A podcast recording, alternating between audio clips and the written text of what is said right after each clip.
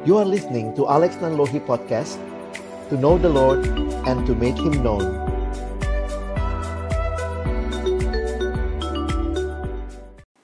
Mari sama-sama kita berdoa sebelum kita membaca merenungkan firman Tuhan. Benar ya Tuhan, sungguh kasih yang terindah, kasih yang mulia kami temukan di dalam Engkau ya Yesus Tuhan dan Juru Selamat kami. Tak henti-hentinya kami bersyukur untuk anugerah-Mu Tuhan. Kesempatan menikmati pesta rohani seperti ini. Meskipun melalui daring online, tetapi kasihmu sama, kuasamu sama tidak berubah.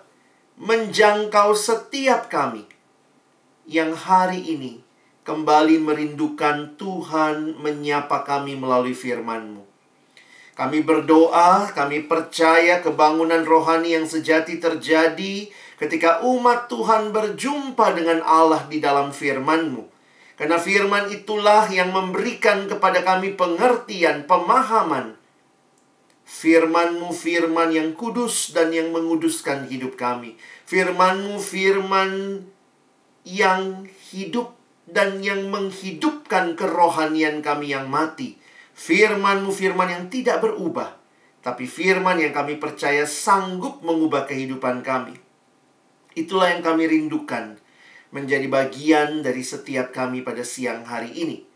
Berkati waktu-waktu seperti ini, sering kali kami sulit konsentrasi, tetapi kami sedang mendengarkan firman-Mu di hadapan Tuhan, karena itu biarlah kami boleh benar-benar menyerahkan diri, menyerahkan sikap kami untuk bisa dengan baik mendengarkan kebenaran-Mu dan meresponinya. Berkati seluruh perangkat yang kami gunakan, tidak menghalangi kuasa Tuhan bekerja, firman-Mu diberitakan. Kami memohon semua ini di dalam nama Tuhan Yesus Kristus, Sang Firman yang hidup. Kami menyerahkan pemberitaan firman-Mu. Amin. Halo, Shalom. Teman-teman yang dikasihi dalam Tuhan Yesus Kristus, saya bersyukur kesempatan ini boleh sharing dengan teman-teman sekalian. Nah, kesempatan ini kita mau sama-sama melihat apa yang menjadi kelanjutan dari apa yang sudah menjadi aktivitas teman-teman tadi, sharing, lalu juga sudah games gitu ya. Dan juga tentunya sudah mendengarkan uh, sesi sebelumnya. Nah, uh, siang hari ini Kak Alex akan membagikan ada satu slide yang saya siapkan dan kiranya ini menolong kita boleh memahami firman Tuhan. Seperti doa saya tadi ya, kadang-kadang dalam situasi daring kita nggak tahu nih ya, apakah ada yang lagi tiduran mungkin ya, ada yang sambil ngerjain hal yang lain, tapi please ya, kita dalam waktu sekitar 30 menit, 40 menit ini kita mohon Tuhan, kita duduk tenang dengar firman Tuhan. Tema yang diberikan kepada kita adalah just love. Jadi ini hal yang menarik karena kita bicara keadilan, tapi kita juga bicara kasih. Dan kita akan melihat bagaimana Alkitab menyatakan hal ini.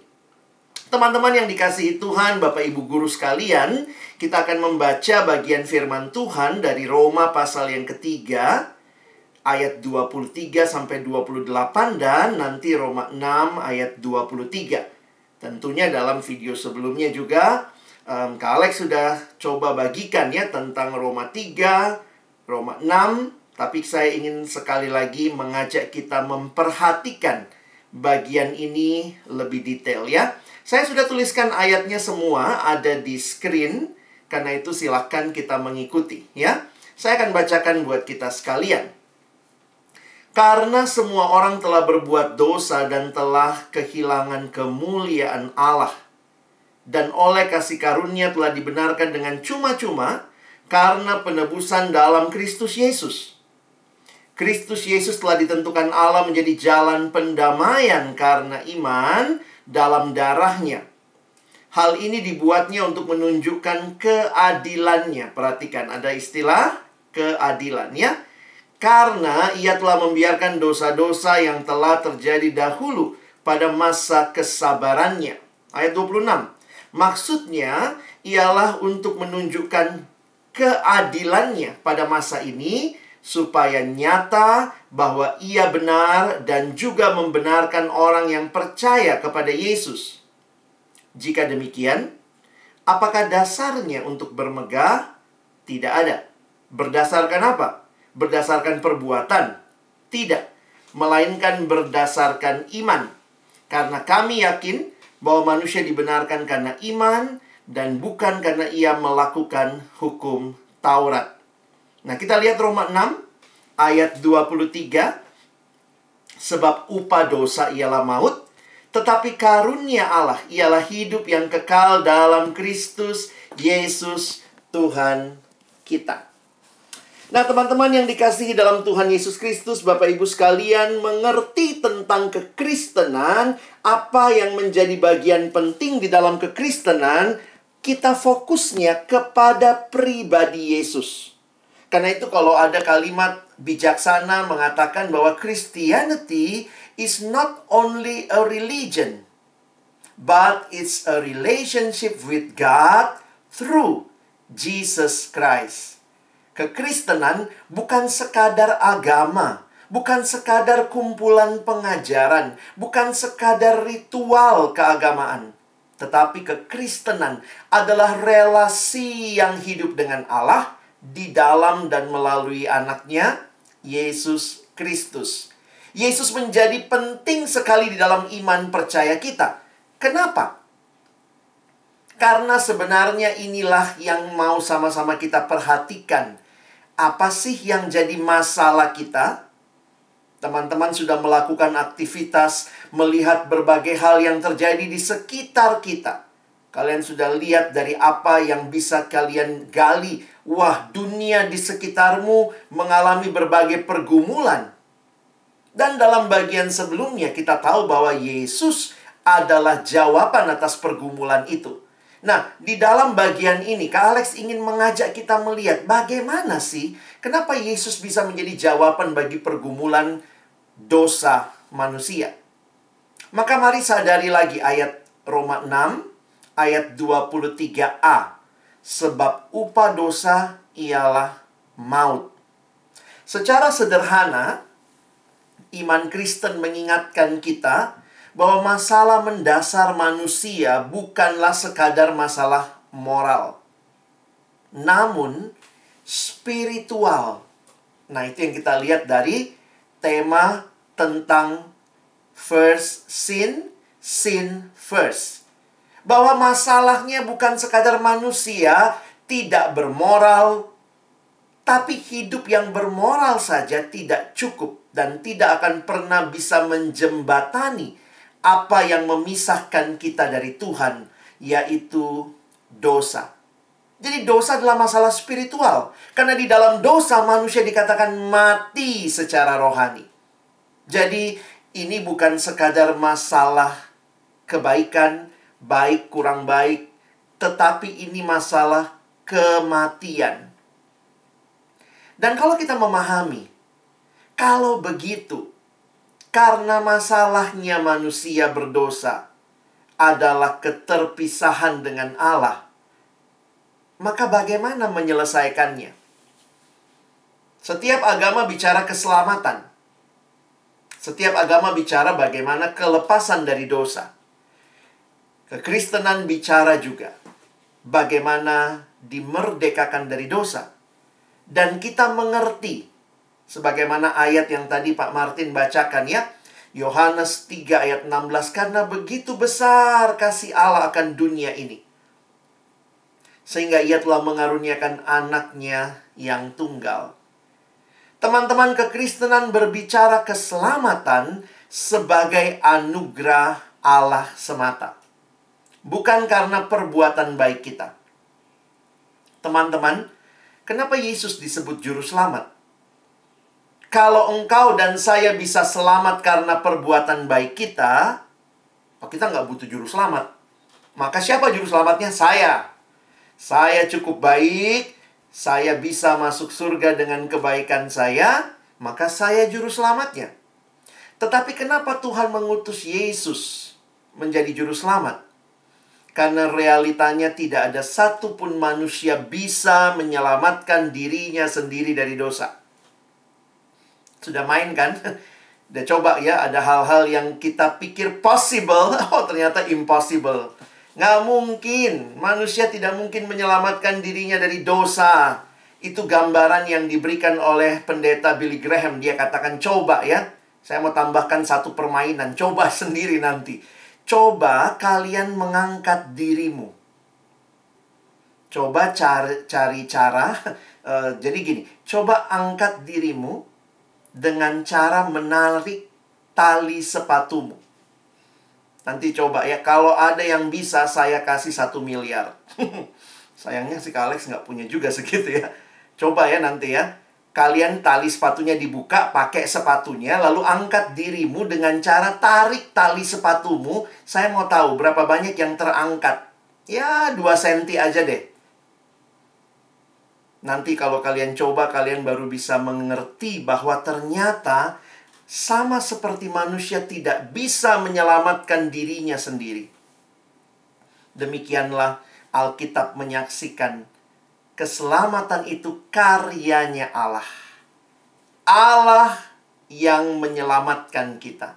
Allah mengirimkan anaknya Yesus Kristus menjadi juru selamat. Nah, sekarang kita masuk nih. Pertanyaan, kenapa mesti Yesus?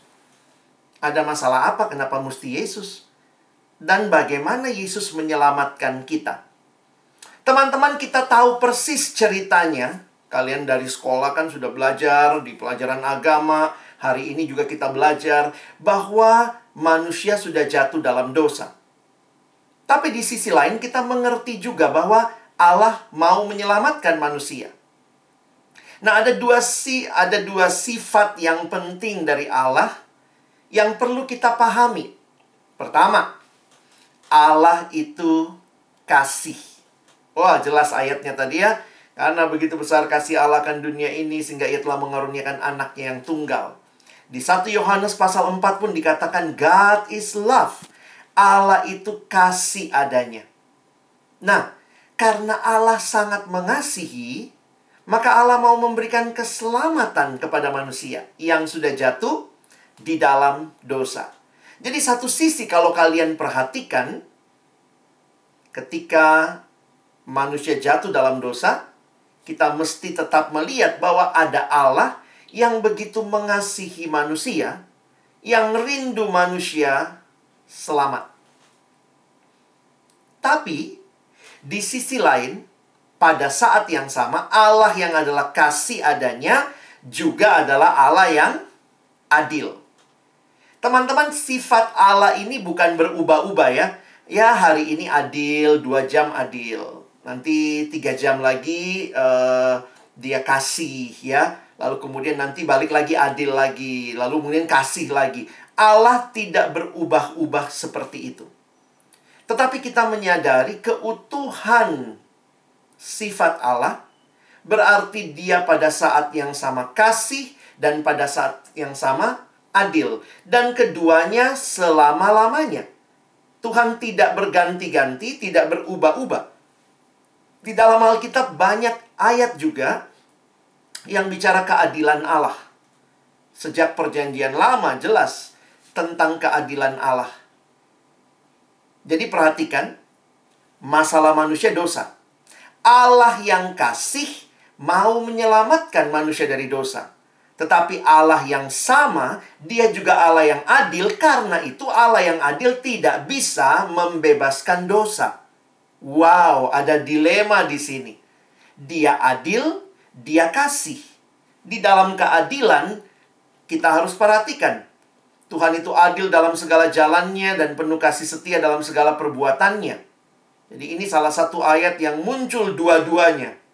Adil dan kasih. Lalu bagaimana?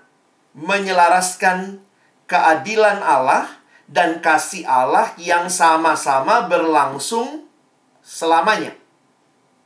Loving and just, God is both loving and just at the same time. Masalah utama dosa, jangan lupa. Masalah utama dosa, Allah mau selamatkan manusia dari dosa karena kasihnya. Tetapi Allah yang kasih itu juga adil. Bagaimana keadilan bertemu dengan dosa? Satu ayat yang menarik di dalam kitab Keluaran 34 ayat yang ketujuh. Keluaran 34 ayat yang ketujuh B, Kak Alex bacakan buat kita. Tetapi tidaklah sekali-kali Allah membebaskan orang yang bersalah dari hukuman yang membalaskan bapaknya kepada anaknya dan cucunya dan seterusnya. Jadi dikatakan ini yang ada dalam bahasa Inggrisnya di layar ya, but the Bible also says he will by no means clear the guilty. So how at the same time our loving God and also just Allah yang adil dan kasih Bagaimana bisa? Nah, ini kayaknya dilema buat kita ya. Ini ayat yang juga muncul bersama. Mazmur 89. Keadilan dan hukum adalah tumpuan tahtamu. Kasih dan kesetiaan berjalan di depanmu. Teman-teman, bayangkan begini, kamu kena tilang Wah, kamu melanggar lampu lalu lintas. Dan peraturannya kalau tilang harus bayar, misalnya gitu ya. Kalau nggak mau dipenjara ya bayar begitu. Nah, anggaplah kamu masuk ke pengadilan. Di pengadilan diperhadapkan ada hakim, ada jaksa, lalu kemudian dikasih tahu, kamu kesalahannya melanggar lampu merah, wajib bayar satu juta misalnya. Kalau hakim itu kasih sama kamu. Aduh, kasihan ya. Masih anak SMA. Lalu hakimnya bilang, oke, okay, nggak apa-apa deh. Apalagi kamu menunjukkan penyesalan. Pak Hakim, maaf ya Pak Hakim. Nggak ulangin lagi deh, maaf, maaf gitu ya. Kalau di pengadilan, sifatnya maaf-maafan, itu mah kayak hari raya ya. Di pengadilan, kasih bukan demikian jadi ketika hakim itu misalnya bilang dia udah minta maaf ya udahlah bebasin. Maka kita bisa bilang hakimnya itu punya kasih tapi tidak adil. Nah, sementara kalau dia adil, sering kali kok kita rasanya masa sih nggak gitu aja, maksudnya cuma begini aja kok nggak dibebasin ya. Seringkali keadilan tanpa kasih terlihat kejam. Sementara kasih tanpa keadilan terlihat memanjakan. Menarik sekali, Tuhan bukan manusia. Manusia yang bisa pada satu saat adil, tapi jadi kurang mengasihi, atau kasih jadi kurang adil. Puji Tuhan, Allah kita adalah Allah yang adil dan kasih pada saat yang bersamaan. Bagaimana kasih bertemu dengan dosa? kasih mau membebaskan dari dosa. Bagaimana keadilan bertemu dengan dosa? Keadilan bertemu dengan dosa, dosa harus dihukum. Nah, bagaimana ketika dua karakter sifat Allah ini bertemu? Di sinilah kita melihat kekristenan memberikan jawaban bahwa Allah yang adil dan kasih itu di dalam putranya Yesus Kristus. Di dalam Yesus, kasih dan keadilan Allah ini bertemu di dalam pengorbanan Yesus Kristus di kayu salib. Perhatikan salib. Teman-teman, kalau kita bicara salib, banyak orang Kristen pakai salib sekarang ya, pakai kalung salib, gereja kita pun juga lambangnya salib begitu ya. Saya pikir karena ini yang menggambarkan inti dari karya Kristus bagi manusia. Di salib kamu melihat kasih Allah. Dia sangat mengasihi manusia. Dia tidak mau manusia binasa di dalam dosa. Allah menunjukkan kasihnya, dia berikan anaknya. Itulah yang kita baca. Karena begitu besar kasih Allah akan dunia ini. Ia memberikan anaknya yang tunggal, the one and only son But at the same time, when you look at the cross, then you realize ini adalah keadilan Allah. Mengapa? Karena di kayu salib inilah hukuman dosa diselesaikan. Kristus yang tergantung di kayu salib, mati di kayu salib, menjadi jalan keluar. Dia menanggung hukuman dosa kita, sehingga kita yang harusnya binasa, dosa-dosa kita ya. Tapi kenapa Tuhan yang menanggungnya? Karena itu jalan yang Tuhan pilih untuk menyelaraskan kasih dan keadilan. Jadi jangan melihat salib hanya kasih Allah, tapi lihatlah salib juga keadilan Allah. Pendeta Billy Graham berkata, "Setiap kali engkau lihat salib, ingatlah betapa mengerikannya dosa sampai anak Allah harus tergantung di sana." Bagi saya, sering kali lihat salib kayaknya jadi simbol semata. Tapi mengerti bahwa kasih dan keadilan ini bertemu di dalam pengorbanan Yesus di kayu salib. Bagaimana Yesus menyelesaikan dosa? Dia mati bagi kita. Tapi kemudian dia bangkit. Bagaimana Yesus menyelesaikan dosa kita supaya kita tidak binasa? Dia berikan nyawanya menggantikan kita. Jadi teman-teman, keselamatan di dalam kekristenan bukan karya kita. Ini karyanya Allah. Kita terimanya gratis, ya. Keselamatan itu gratis, teman-teman ya. Tapi ingat, bukan gratisan. Bedanya apa? Gratis tapi bukan gratisan. Kalian kasih contoh aja lah ya. Saya kasih contoh agak lebay deh. Kamu pengen banget mobil uh, Ferrari terbaru harga 50M. Aduh, Kak, pengen banget mobil Ferrari terbaru 50M. Kamu nabung. Wah, nabung sehari sehari 50 ribu. Itu mau nabung berapa puluh tahun ya? Kamu tabung, tabung, tabung, tabung, nggak pernah cukup. Eh, tahu-tahu, waktu kamu ulang tahun, usia 17 tahun. Wah, papamu konglomerat ya. Terus kemudian papa lihat, uh, kasihan anak gua nih pengen mobil Ferrari 50M. Nabung-nabung kapan kelarnya nabung ya? Akhirnya udah. Pada waktu itu papa memberikan kepada kamu. Ulang tahun dikasih lah kunci mobil. Hmm, ini kunci mobil Ferrari-nya. Kuncinya doang, Pak? Enggak, lihat di garasi ada mobilnya. Bener, Pak. Ini buat saya. Iya, kata papa. Oh, pak, pak, ambil tabungan saya deh. Ini tabungan saya. Ah, udah, udah, udah. Simpan deh tabunganmu ya. Nggak, nggak laku ya. Bener, Pak. Gratis nggak ini? Gratis. Saya mesti bayar berapa, Pak? Nggak mesti bayar. Bener, Pak. Ini buat saya. Bener. Gratis, Pak. Gratis.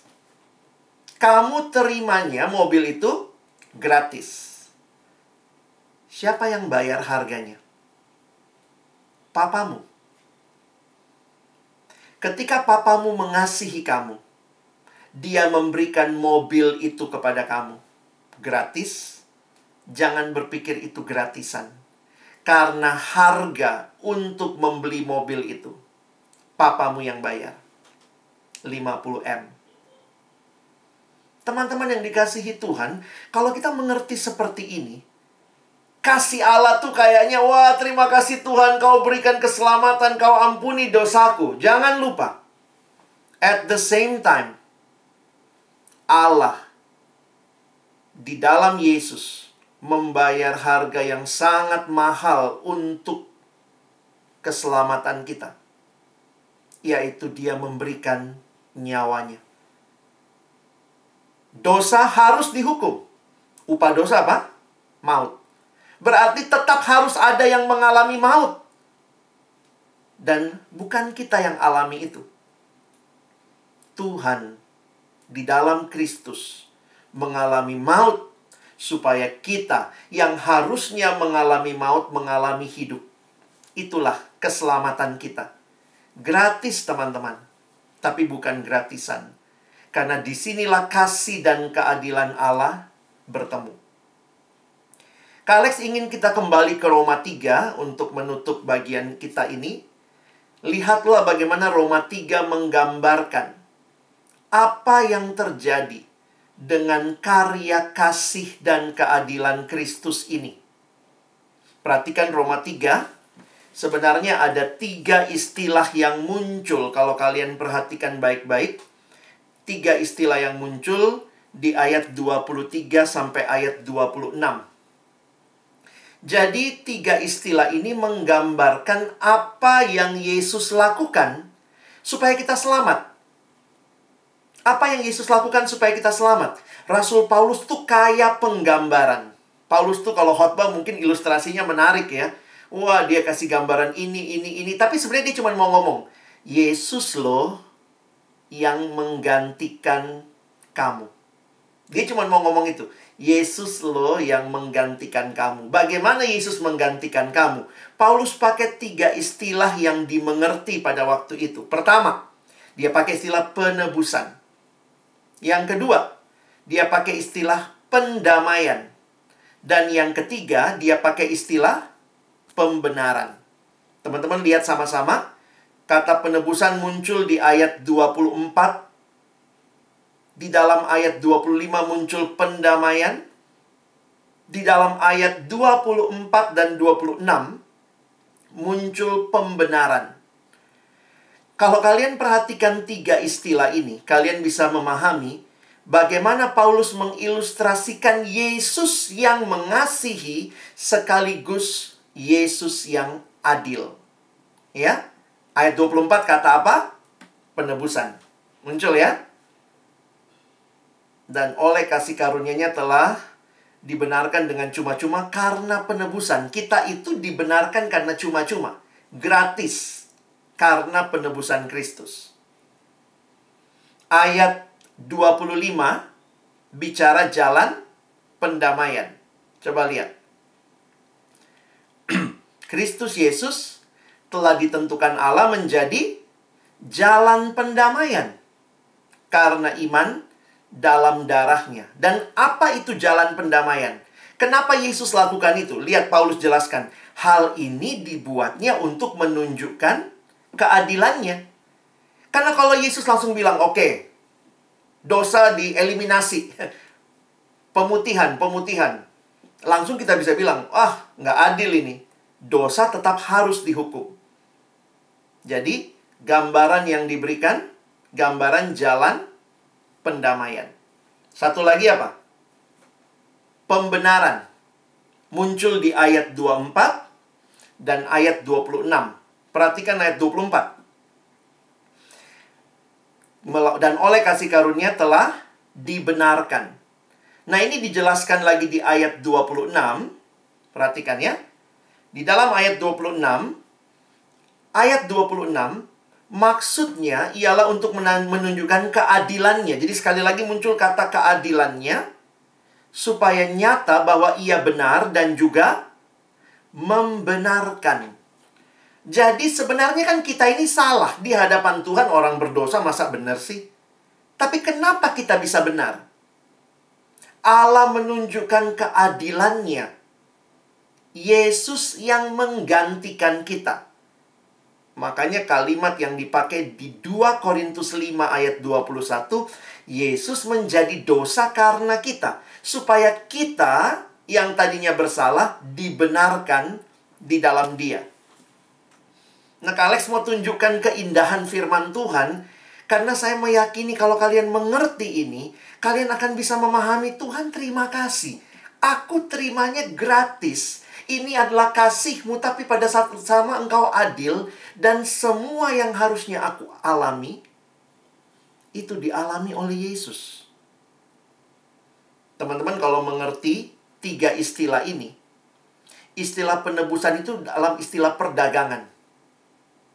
Istilah jalan pendamaian ini istilah agama, dan istilah pembenaran ini istilah hukum. Ini yang tadi Kak Alex bilang, Paulus tuh kaya banget penggambarannya jadi Paulus kan lagi mau jelaskan, Yesus loh yang mengasihi dan juga sekaligus adil.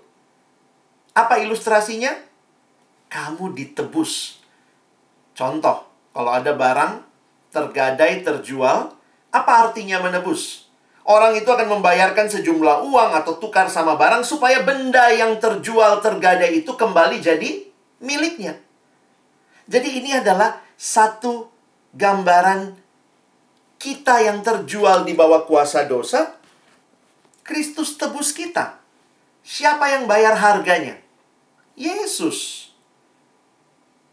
Dia membayar harganya dengan nyawanya sendiri. Yang kedua, istilah agama.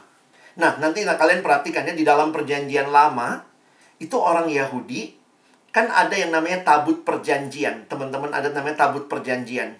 Nah, tabut itu kan dalamnya nggak boleh dilihat langsung, apalagi disentuh, langsung mati. Kayak anak-anaknya imam pada waktu itu, mereka menyentuh isi tabut per, per, uh, tabut tabut uh, perjanjian, wah langsung mati.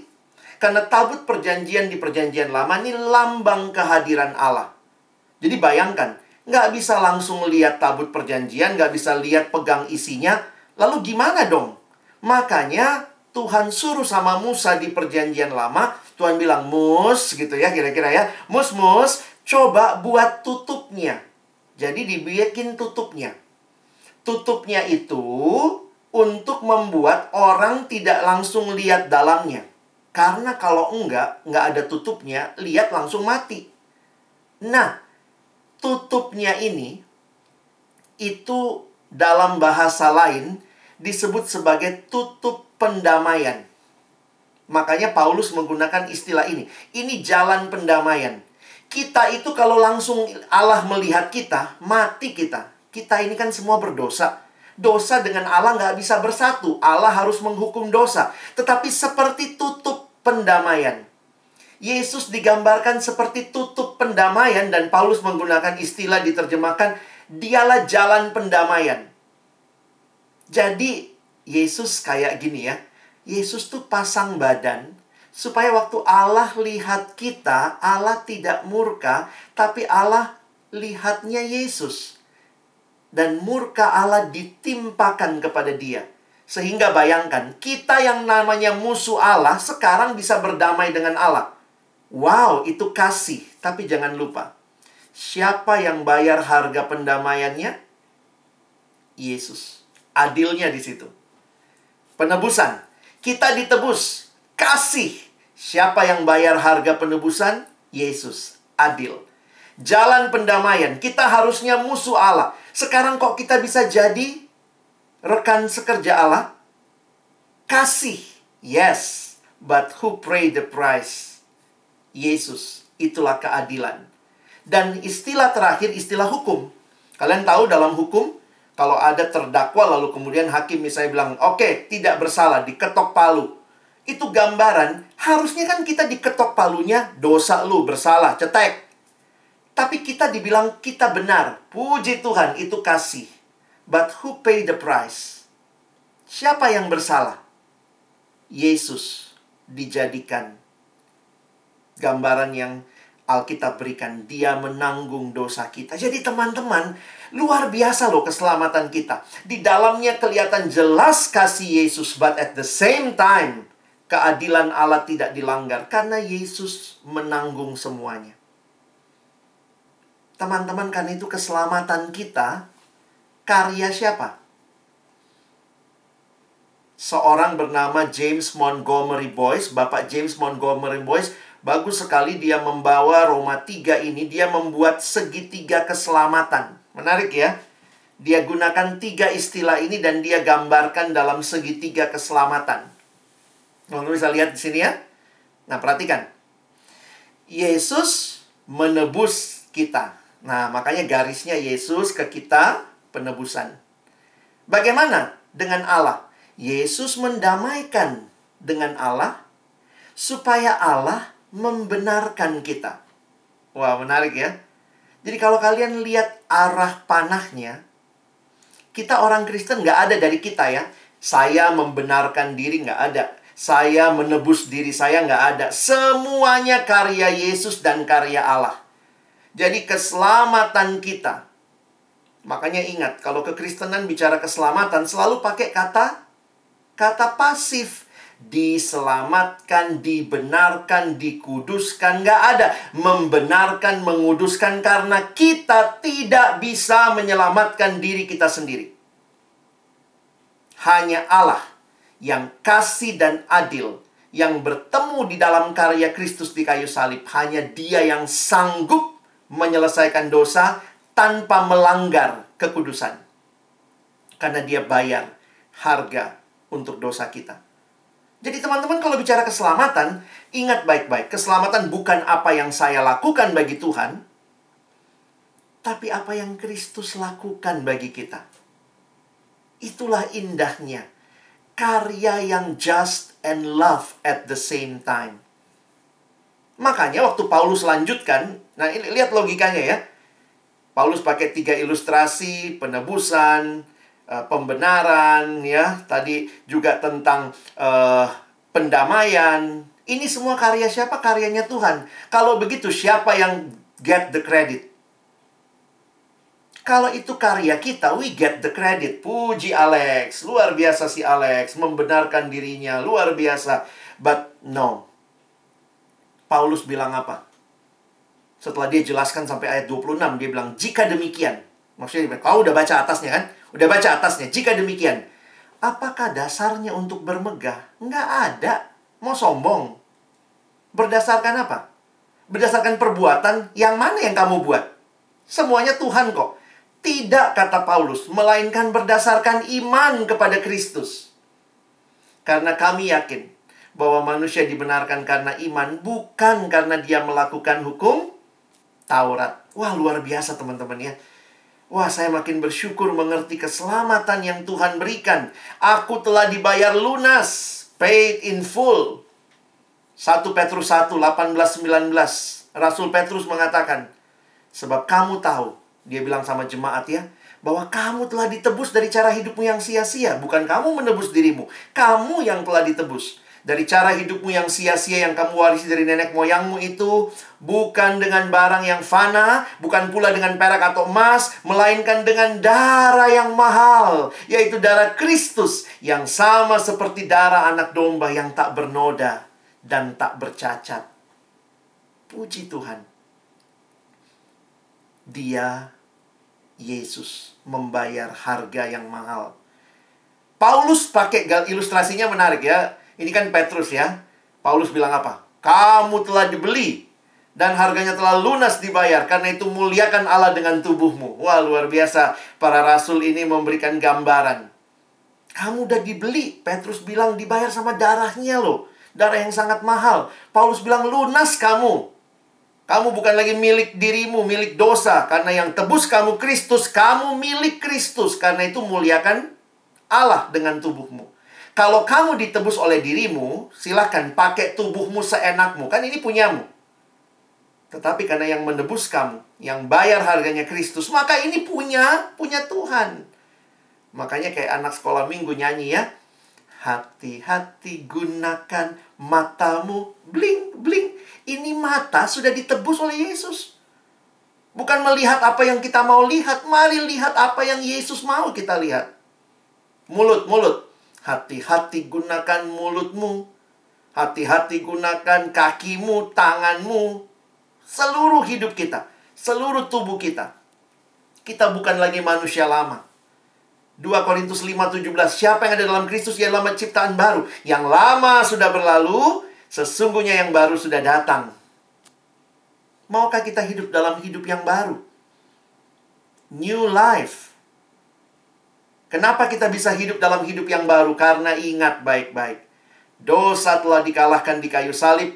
Kematian Yesus menjadi dasar pengharapan kita janji bagi kemenangan kita. Dan salib itu merupakan satu-satunya jalan keselamatan. Tidak ada satupun penebusan yang bisa pada saat yang sama kasih dan adil. Tidak ada. Saya belajar tentang berbagai agama, pendekatan-pendekatannya sangat moralistik. Berbuat baik, selamat. Kristen bilang, kalau mau gara-gara perbuatan baik selamat, nggak ada kita yang selamat. Salib memberikan tujuan hidup yang baru bagi kehidupan kita. Karena itu Kak Alex simpulkan. Di sinilah terletak perbedaan utama antara agama-agama yang hanya mengajarkan moral, kebaikan-kebaikan, berbuat baik, berbuat baik, dan apa yang Yesus tawarkan. Yesus tidak hanya memberikan jalan untuk membuat orang hidup yang jahat jadi baik. Bukan itu tujuan Yesus datang. Tapi dia membawa tujuan supaya setiap orang yang percaya tidak binasa, melainkan beroleh hidup yang kekal. Supaya yang mati di dalam dosa boleh hidup. Siapa yang bisa memberikan ini? Hanya Dia, Allah yang jadi manusia, Yesus Kristus.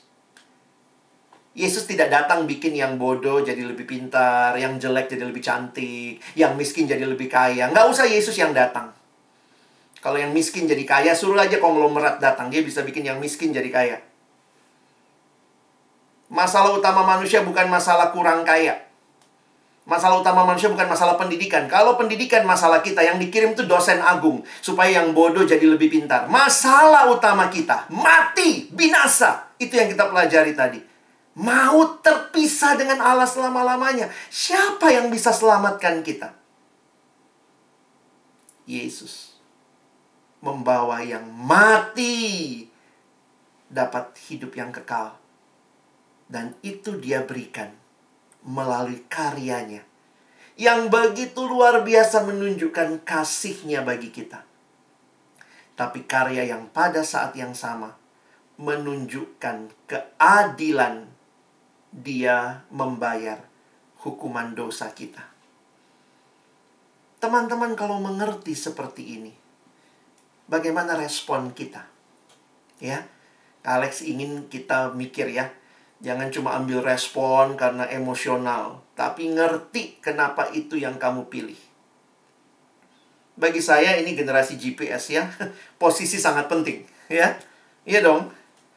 Karena itu pastikan di mana posisimu sekarang. Masih hidup dalam dosa? Ingat, upah dosa adalah maut.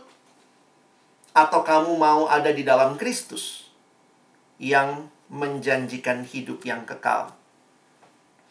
Karena itu, apa yang harusnya jadi respon kita? Kak Alex ingin sharingkan empat respon yang bisa kalian doakan, bisa kalian pilih, sesuai dengan apa yang Tuhan gerakkan di hatimu setelah dengar firman ini ya. Coba pikir sama-sama, apa responmu setelah dengar semua ini? Ada satu pribadi, juru selamat, yang kasih dan adil dan menyelamatkan dirimu. Pertama, kalau ini kamu mengerti, maukah kamu datang sama Tuhan? Buka hatimu, terima Yesus dalam hatimu. Saya bingung pertama kali mengerti atau mendengar istilah terima Yesus. Apa sih terima Yesus? Tapi seiring ke Alex belajar, mengerti, akhirnya saya melihat paling tidak ada dua aspek. Terima Yesus itu apa sih? Karena dulu saya mikir, saya dari kecil Kristen. Kok disuruh terima Yesus? Saya udah Kristen kok. Terima Yesus punya dua aspek. Pertama, percaya percaya Yesus sebagai satu-satunya Tuhan dan Juru Selamatmu pribadi. Percaya ini benar-benar percaya ya. Jadi bukan karena ada orang tuh percaya begini ya. Minggu ke gereja, hari lain ke dukun. Itu mah nggak percaya, main-main itu. Jadi percaya itu gambarannya seperti begini. Ada seorang anak yang lompat, dia menyerahkan diri. Ya Tuhan hanya engkaulah satu-satunya juru selamat dan Tuhanku. Itu orang yang percaya betul-betul menyerahkan seluruh hidupnya. Dan itu saya harus katakan ya, jujur aja. Waktu itu saya Kristennya KTP. Kristen tanpa perubahan, Kristen tanpa pertobatan, Kristen tanpa pertumbuhan. Pokoknya saya Kristen ya sudah. Tapi ketika saya dengar firman, saya mengerti Tuhan, saya mau sungguh-sungguh percaya. Dan di dalam percaya itu juga ada sikap yang berubah. Karena itu, aspek kedua dari terima Yesus bertobat.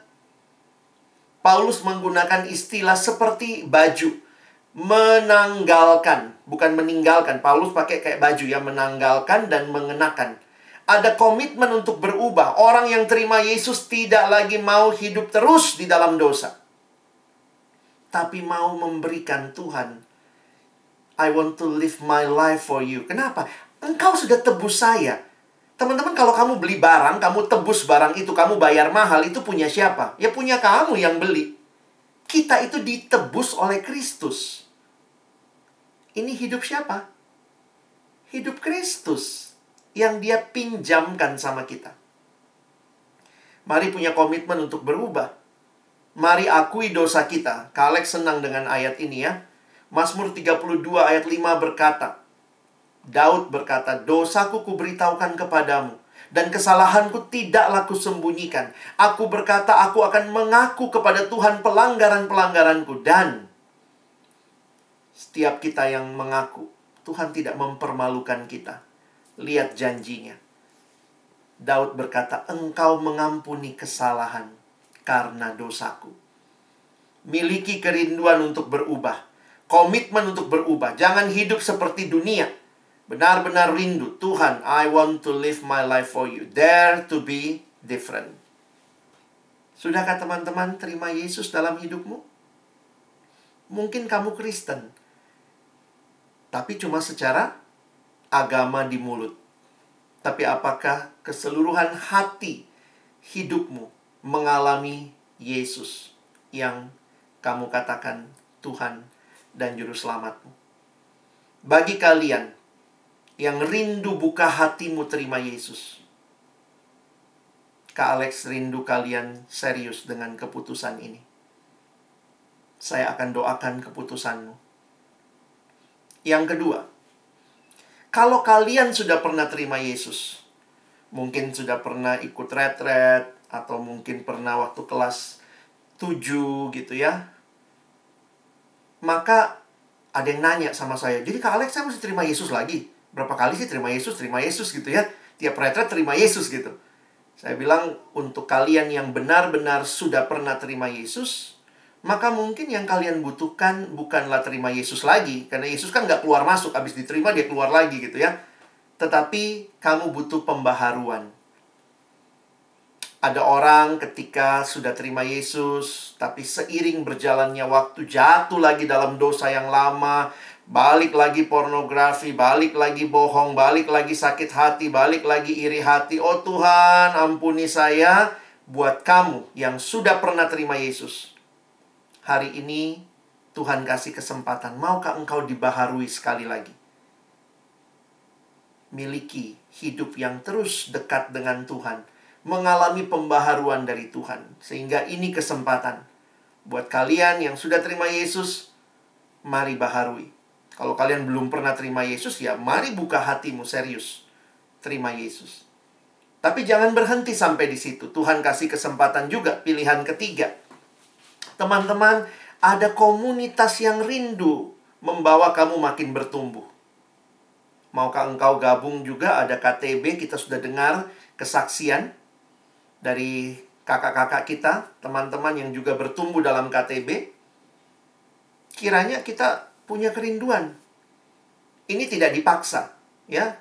Kelompok outfit yang dibuat di sekolah, ya ini kesempatan. Kalau kalian bilang, Tuhan, saya tidak mau hanya begini aja, saya mau terus bertumbuh. Maka ini kesempatan. Ada bapak ibu guru, kakak-kakak yang akan memimpin kalian dalam kelompok. Puji Tuhan. Kalau kalian rindu, gabunglah dalam kelompok ini. Dan yang terakhir, Tuhan yang menyelamatkan kita tidak pernah hanya bagi kita. Maksudnya apa? Tuhan yang menyelamatkan engkau dan saya rindu engkau pun melayani sesama. Mari terlibat dalam pelayanan. Kita mengasihi Yesus, kita mau mirip seperti Yesus, jangan lupa Yesus juga melayani. Aduh, pelayanan jadi apa? Silakan, mungkin kamu di gereja ada kesempatan, kamu bisa terlibat melayani, tapi juga di sekolah. Bagian dari OSIS, ya, Boys Brigade, kalian bisa terlibat jadi pemimpin uh, grup. Ini semua bentuk pelayananmu supaya apa? Tuhan terima kasih kau selamatkan saya. Maka sekarang saya mau juga menyaksikan keselamatan itu. Termasuk lewat hidupku, lewat pelayananku, biarlah orang lain boleh berjumpa juga dengan Tuhan. Jadi adik-adikku yang dikasihi Tuhan hari ini, Kak Alex rindu. Apa yang kalian dengarkan tidak hanya berhenti sampai di sini. Yesus, Tuhan dan Juru Selamat. Apa responmu di hadapan dia? Pada saat ini, saya akan menutup di dalam doa.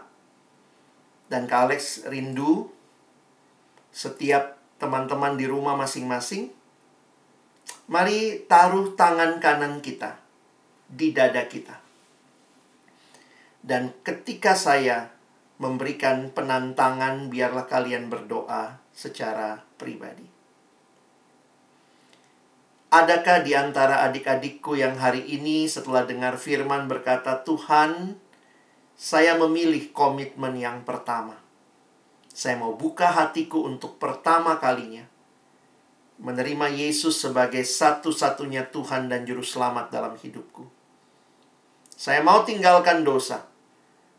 Saya mau bertumbuh hidup di dalam Tuhan. Jika ada yang ambil keputusan ini, Katakan kepada Tuhan. Dengan tangan yang kau taruh di dadamu. Nyatakan Tuhan di sini saya. Saya buka hatiku menerima engkau.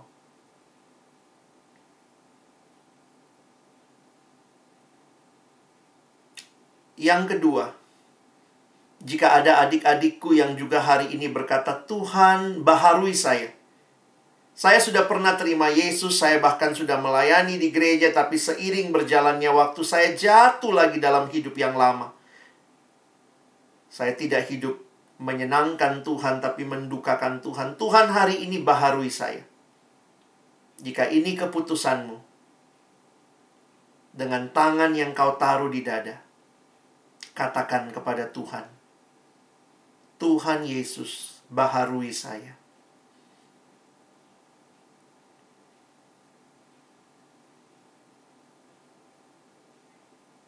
Yang ketiga, adakah adik-adikku yang berkata, "Tuhan, terima kasih, Kau berikan kesempatan aku bertumbuh." Ada KTB, kelompok yang menolong aku bertumbuh. Tuhan Yesus, aku mau bertumbuh.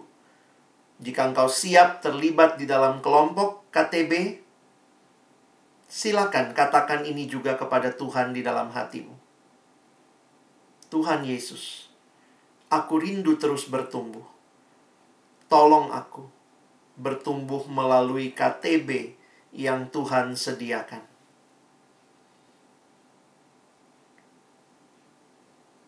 Dan yang terakhir, adakah adik-adikku yang rindu? Tuhan, aku mau melayanimu.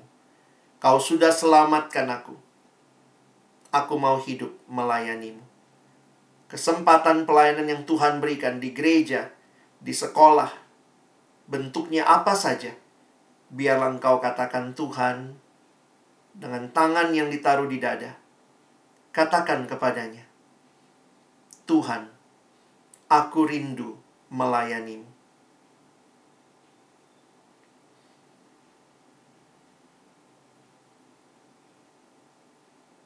Mari kita tutup dalam doa. Terima kasih banyak ya Tuhan. Kesempatan seperti ini kami berhadapan dengan Tuhan dan mengambil komitmen bukan di hadapan manusia, tetapi di hadapan Tuhan. Hamba berdoa bagi adik-adikku, apa pun keputusan yang mereka buat di hadapan Tuhan. Tuhan teguhkan, Tuhan pakai mereka untuk hidup bagi kemuliaan Tuhan. Berkati waktu selanjutnya, kami pun bisa sharing dan saling menguatkan. Kami bersyukur untuk setiap hal yang kami persembahkan melalui hidup kami kepadamu. Di dalam nama Tuhan Yesus kami bersyukur dan berdoa. Amin.